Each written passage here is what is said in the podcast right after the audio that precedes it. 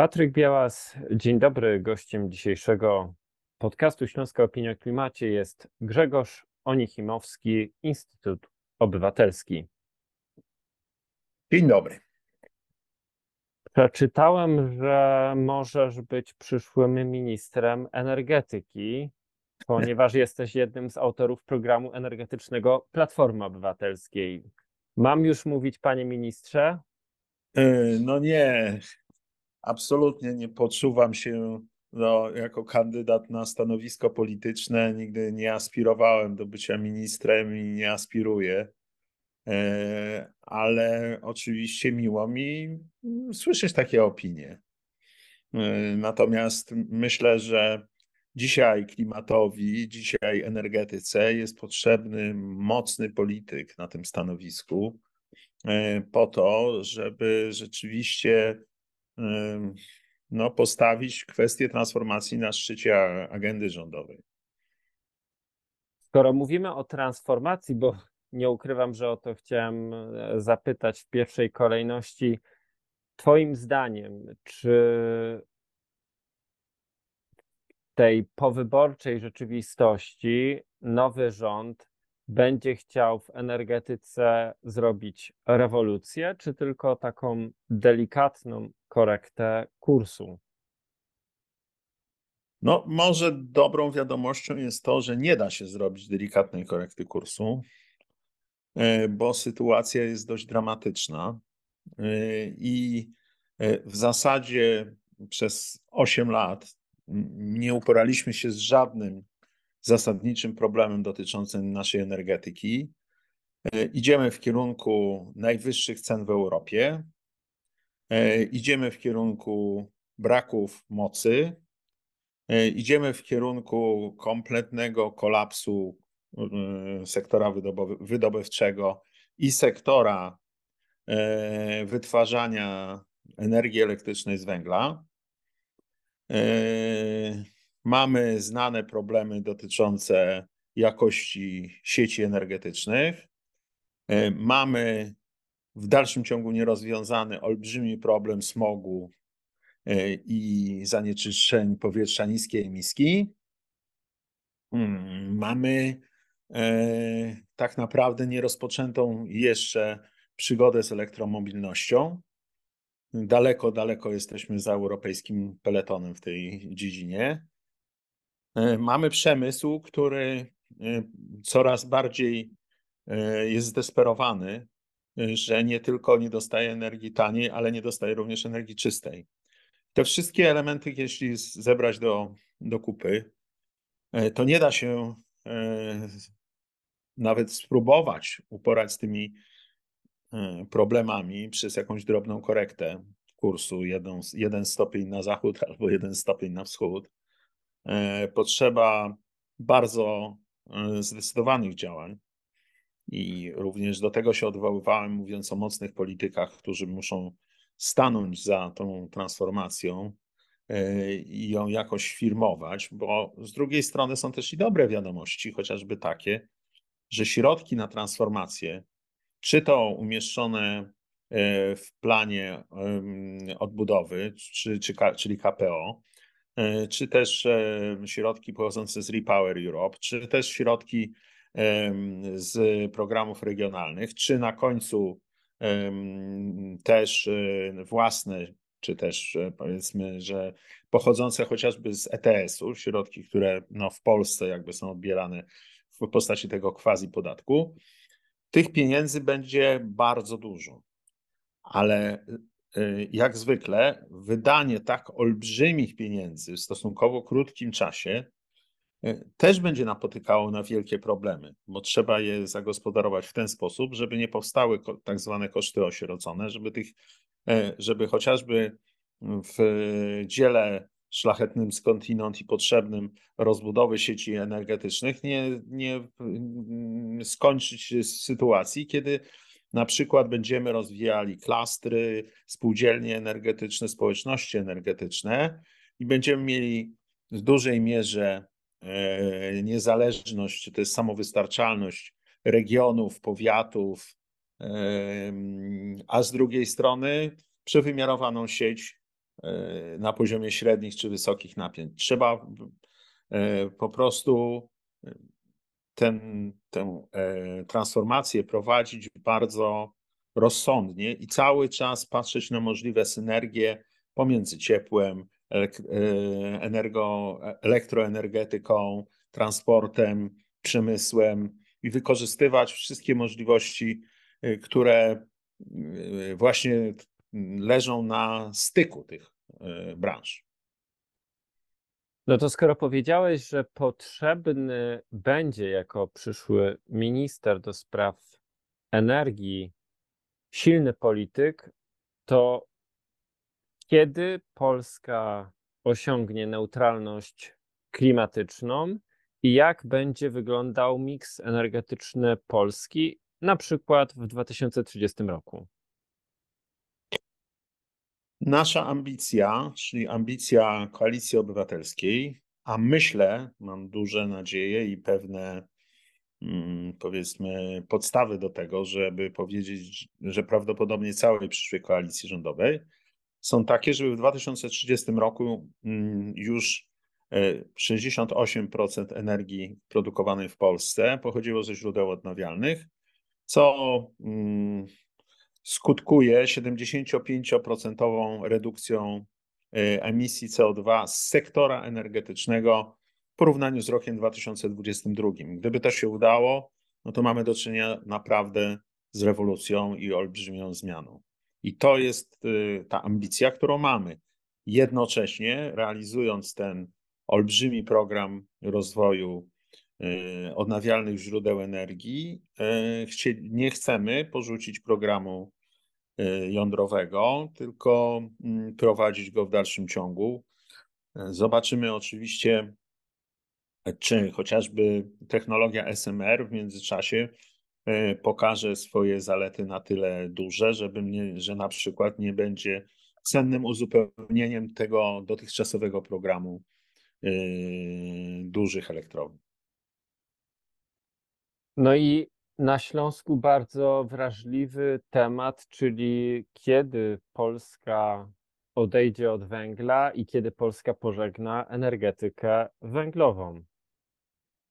No właśnie, to jest e, ciekawe, bo Y, rozmawiamy dla podcastu Śląska Opinia.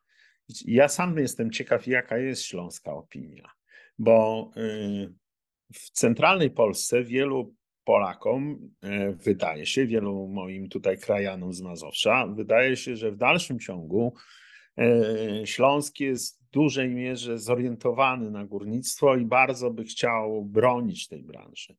Tymczasem, jak bywam na Śląsku, to słyszę opinie nieco odmienne, mówiąc e, oględnie. To znaczy, że e, okej, okay, tak, oczywiście, ale z drugiej strony nie za cenę powstrzymywania rozwoju tego regionu, e, czy nie za cenę mm, dalszego, e, dalszej degradacji e, ekologicznej regionu. Więc e, rzeczywiście wydaje się, że tutaj koalicja ma pewien pomysł, który polega na tym, że z jednej strony chcielibyśmy uczynić właśnie Śląsk centrum tej transformacji, chociażby y, temu ma służyć projekt umieszczenia ministerstwa, nie wiem jak ono się będzie finalnie nazywało, ale odpowiedzialnego za transformację, jednego przynajmniej z tych odpowiedzialnych za transformację na Śląsku.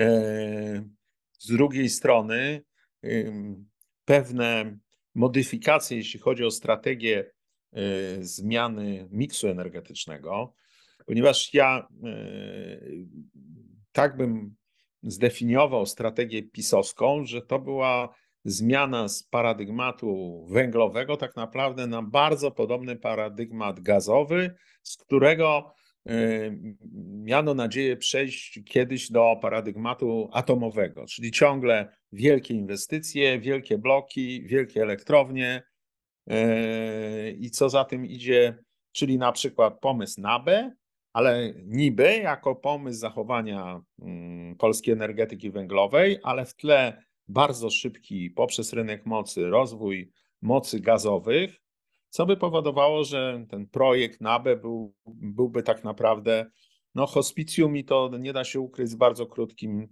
e, czasem życia. jak to by nie, nie zabrzmiało nieładnie. Mm, my uważamy, że można jednak częściowo odchodzić od energetyki, e, nieco wolniej odchodzić od energetyki węglowej, e, natomiast nie tak bardzo, nie tak wiele pieniędzy inwestować w sektor energetyki gazowej, który tak czy owak no jest tym tylko i wyłącznie pośrednim etapem. Mm, ale e, nie chcę tu uciekać od odpowiedzi na pytanie. Mm, myślę, że nawet ten, ta polityka energetyczna Polski, która była e, przyjęta powiedzmy przez resort klimatu, ona nie była oficjalną polityką, ale, ale była przedstawiona do konsultacji e, w tym roku przez resort klimatu pisowski, e, tak naprawdę była w głębokiej sprzeczności z tak zwaną umową społeczną i z, ze zobowiązaniem, że kopalnie będą działały do późnych lat 40. XXI mm, wieku. Takiej możliwości moim zdaniem nie ma, ponieważ czas działania e, e, elektrowni węglowych będzie się skracał w miarę jak coraz więcej tego czasu będzie, mm, będzie zajęte przez pracę źródeł odnawialnych. Chociażby offshore, który mamy już w tej chwili, jest rozwijany. E, my chcemy jeszcze bardzo przyspieszyć rozwój energetyki wiatrowej na lądzie. To w połączeniu z fotowoltaiką, w połączeniu z biogazem, w połączeniu z innymi e, technologiami odnawialnymi, e, tak naprawdę będzie powodowało, że gdzieś już w połowie lat 30. będziemy mieli stosunkowo, wciąż jeszcze stosunkowo powiedzmy znaczące zapotrzebowanie na moc w takich elektrowniach konwencjonalnych, czy to gazowych, czy węglowych, ale zapotrzebowanie na energię będzie już bardzo niskie. Więc prawdopodobnie gdzieś w połowie lat 30. zostaną nam może jedna, może dwie czynne kopalnie węgla y, kamiennego. Y, a co za tym idzie, mm, ten program atomowy, jeśli on y, zaistnieje i się będzie rozwijał, mm, będzie oznaczał tak naprawdę kres energetyki węglowej w Polsce. Skoro powiedzieliśmy o kresie węgla, czy o tym coal-exicie, to w Twojej poprzedniej wypowiedzi pojawił się wątek umowy społecznej, ale również związków zawodowych. Chciałem zapytać, y, w jakim zakresie umowa społeczna i czy w ogóle ta umowa społeczna będzie wymagała y, pewnych nowych uzgodnień, no bo jednak po stronie rządowej wydaje się, że inni partnerzy zasiedliby do takich rozmów i jaką rolę w przygotowaniu nowej polityki energetycznej będą pełnić związki zawodowe górników i energetyków e, i czy Twoim zdaniem, jeśli e, nowe ministerstwo będzie budowane wokół polityka z koalicji obywatelskiej, to Jakie będzie podejście do związków zawodowych? Czy bardziej partnerskie, czy raczej przeciwnie?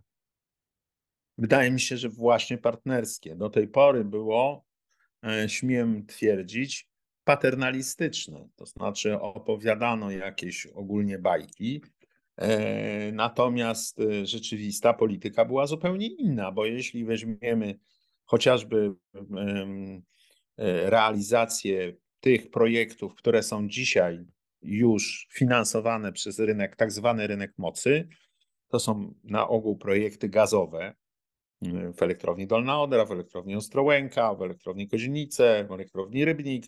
Wiele jest takich, wiele jest takich projektów. E, to jak te wszystkie projekty zostałyby zrealizowane, to są znowu projekty powtarzające ten sam, moim zdaniem, kompletnie fałszywy E, paradygmat e, wielkiej energetyki, czyli duże bloki gazowe działające w, pod, no, działające w pewnym sensie w podstawie, tyle że one pewnie podstawi tak by nie działały, bo energetyka odnawialna wypychałaby je z tej podstawy działania, e, no to by się okazało, że tak jak powiedziałem, że gdzieś już w połowie lat 30. miejsca na węgiel E, w sensie produkcji e, większej ilości energii z węgla by nie było, co najwyżej trochę bloków węglowych, tych najnowocześniejszych, mogłoby stanowić rezerwę systemową. Ale to by nie dawało podstaw do żadnego większego wydobycia węgla. Więc z jednej strony podpisano umowę społeczną, przepraszam, a z drugiej strony, no najwyraźniej nikt nie miał ochoty jej dotrzymać. My chcielibyśmy na pewno wejść tutaj w dialog, w dialog ze związkami, ale oczywiście w dialog też po prostu z górnikami, żeby mm, pokazać im, jakie są konsekwencje tych wyborów, takie konsekwencje, które tak naprawdę nie do końca zależą od e, woli politycznej, tylko one po prostu są cywilizacyjne, tak? Nie uciekniemy, nie zabronimy Polakom, e, żeby budowali sobie panele fotowoltaiczne, nie zabronimy im, żeby budowali wiatraki, bo polski przemysł będzie potrzebował energii o niskim śladzie węglowym. I żeby całość polskiej gospodarki działała, żeby mieć energetyk, żeby mieć tą energię o tanią i o niskim śladzie węglowym, e, będziemy musieli mieć tych źródeł odnawialnych dużo, dużo więcej niż dziś. My zakładamy, że w, na koniec lat e, dwudziestych będzie to trzy razy więcej, jeśli chodzi o moc wietrze na lądzie, plus do tego dochodzi e, te 7 gigawatów offshore, plus mniej więcej pięciokrotnie tyle fotowoltaiki, ile było w 2022 roku. Więc e, e, to będzie, tak jak mówię, powodowało, że naturalnie e, elektrownie węglowe będą wypychane z rynku przez to, że są one po prostu droższe, tak, że ich koszt produkcji, jeśli weźmiemy pod uwagę z jednej strony cenę węgla, z drugiej strony opłaty środowiskowe, opłaty CO2, nie pozwala im konkurować ze źródłami odnawialnymi. Czyli jest wielkie zadanie, jak, co zaproponować temu przemysłowi węglowemu, żeby ludzie, którzy pracują dzisiaj w tych firmach, mieli przed sobą przyszłość. I ja na przykład zupełnie nie rozumiem, dlaczego ten ostatni, y, jakby łabędzi śpiew węgla, którym był rok 2021-2022, y, kiedy ceny bardzo poszły do góry y, i była duża konkurencyjność węgla w stosunku do gazu, nie został wyko wykorzystany do tego, żeby zbudować strategię dla firm górniczych, no, strategię restrukturyzacji i e, w dużej mierze przechodzenia na nowy biznes. My ciągle patrzymy tylko z punktu widzenia takiego, żeby jak najdłużej przetrzymywać te źródła. Ja chciałem też zapytać o pakiet Fit for 55, dlatego że na Śląsku bardzo często dotychczas przedstawiano ten brukselski pakiet klimatyczno-energetyczny jako gigantyczne zagrożenie. Czy tutaj mieszkańcy y, Górnego Śląska mogą również spodziewać się zmiany? No tak. Czytaliśmy wszędzie o tym czarnym ludzie w postaci, postaci Fit for 55, ale przecież e, Fit for 55, czyli w ogóle zobowiązania dotyczące 55% redukcji, były podpisane przez pana premiera Morawieckiego, e, bodajże w grudniu 2021 roku, o ile pamiętam. I wówczas się specjalnie o tym nie mówiło. Ten pakiet E, jeśli patrzymy na potrzeby klimatyczne, tak naprawdę, jest pakietem dość skromnym. E, I e, trudno go traktować jako jakiś, jakiś nadchodzący Armagedon. My oczywiście lubimy się bać i ciągle próbujemy sobie budować jakieś kolejne zagrożenia. Natomiast ten pakiet, na przykład, gdyby został w Polsce dobrze wykorzystany, jeśli chodzi o Y, efektywność energetyczną, to byłby to olbrzymi krok w naprzód, jeśli chodzi o zużycie energii pierwotnej. Bo my ciągle mówimy elektroenergetyka, elektrownie, kopalnie, ale miejmy świadomość, że dwie trzecie e, energii pierwotnej w Polsce to jest energia zużywana na ogrzewanie naszych domów, a nie energia e, elektryczna. I teraz możliwa elektryfikacja i potrzebna i w zasadzie bezalternatywna elektryfikacja ogrzewania, zarówno tego mm, ciepła sieciowego, jak i ciepła indywidualnego, będzie wtedy tylko możliwa, jeśli przeprowadzimy wielki program termomodernizacji, bo y, nikogo nie stać już dziś i tym bardziej nie będzie w przyszłości, żeby wysokotemperaturową pompą ciepła ogrzewać y, słabo y, ocieplony dom. Więc ten komponent, chociażby Fit for 55, który mówi o termomodernizacji, dla mnie przynajmniej, ja go widzę jako bardzo dużą szansę na to, że my tą termomodernizację w dużej mierze zrobimy za nasze wspólne europejskie pieniądze. Oczywiście również polskie, ale my tylko jesteśmy jednym z udziałowców. I chciałem zapytać teraz, gdybyś był doradcą nowego ministra energii, bo powiedziałeś, że nie aspirujesz do, tych, do tej funkcji. E, co byś proponował nowemu ministrowi do przeprowadzenia pierwszej kolejności, czyli jaki plan na pierwsze 100 dni po przejęciu władzy? No, myśmy tak naprawdę już to podpowiedzieli i nasze propozycje znalazły się w tych 100 e, krokach e, Koalicji Obywatelskiej, które zostały ogłoszone. E, w ramach tego, między innymi, mamy program gwałtownego przyspieszenia, tak jak już powiedziałem, energetyki E, energetyki wiatrowej, po to, żeby można było liczyć na to, że jeszcze w tej kadencji parlamentu jakieś nowe e, wiatraki, nowoczesne, o dużej mocy się w Polsce pojawią i uzupełnią chociażby tą, tę fotowoltaikę, którą zbudowaliśmy, bo tylko takie układy hybrydowe różnych technologii dają odpowiednią efektywność, żeby E, żeby rzeczywiście mogły stanowić ciekawą e, propozycję dla systemu energetycznego. To jedna rzecz. Druga kwestia, zobowiązaliśmy się i e, myślę, że z tego zobowiązania rząd i ten przyszły minister się wywiąże, do zmiany systemu rozliczeń dla prosumentów, tak żeby on był jaśniejszy i bardziej przewidywalny, jeśli chodzi o czas zwrotu. Trzecia kwestia, którą musimy się zająć, i to, nie, e, I to jest na pewno coś na, jeśli nie pierwsze, to na drugie posiedzenie Sejmu.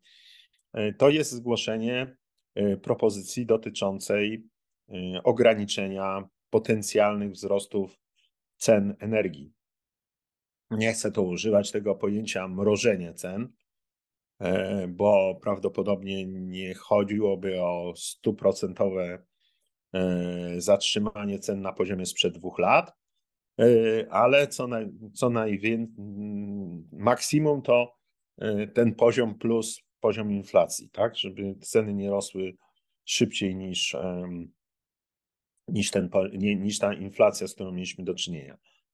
Więc to prawdopodobnie są najważniejsze kwestie. I potem następne muszą się wiązać z, jedną, z jednej strony Y, ze znalezieniem miejsca dla tej energetyki węglowej, czyli to jest ten projekt NABE, tak? to co się nazywało NABE, tylko my uważamy, że w takim kształcie ten projekt nie dawał żadnego bezpieczeństwa, że trzeba zupełnie inaczej go zbudować, po to, żeby rzeczywiście ta energetyka węglowa jeszcze przez kolejne lata służyła nam właśnie jako ta rezerwa mocy i E, i możliwość pokrycia deficytu e, w każdym momencie. To jest z jednej strony, a z drugiej strony kwestia sieci. I też powiedzieliśmy sobie, że naszym priorytetem jest wydzielenie sieci dystrybucyjnych z koncernów energetycznych po to, żeby te sieci posłużyły jako takie neutralne pole konkurencji E, a, no i żeby tą konkurencję rzeczywiście ożywić i w sektorze elektroenergetycznym, i w sektorze gazowym, bo bez konkurencji e, będziemy w, sytuacji monopolu. No, łatwo porównać e, sytuację takiego chociażby z jednego z kraju jak Republika Południowej Afryki, gdzie postawiono na absolutny monopol jednej firmy i mamy do czynienia z wędrującymi brakami zaopatrzenia w energię elektryczną i wyłączeniami z energii elektrycznej e, w całym kraju. Kraju, który przecież ma fantastyczne warunki do rozwoju chociażby energetyki odnawialnej. Więc nie, nie jest to kwestia warunków, tylko właśnie kwestia, moim zdaniem, złego, fałszywej polityki. E, a z drugiej strony mamy do czynienia chociażby ze Skandynawią, gdzie mamy bardzo dużo e, energetyki, która jest e, związana z, z samorządami. Mamy dużo firm państwowych, mamy też firmy prywatne i one wszystkie konkurują na bardzo konkurencyjnym rynku, jakim jest Nord Pool. Bardzo serdecznie dziękuję za tę dzisiejszą rozmowę. Moim i Państwa gościem był Grzegorz Onichimowski z Instytutu Obywatelskiego. Dzięki serdeczne za rozmowę. Dziękuję bardzo. To był podcast zrealizowany przez Stian Media.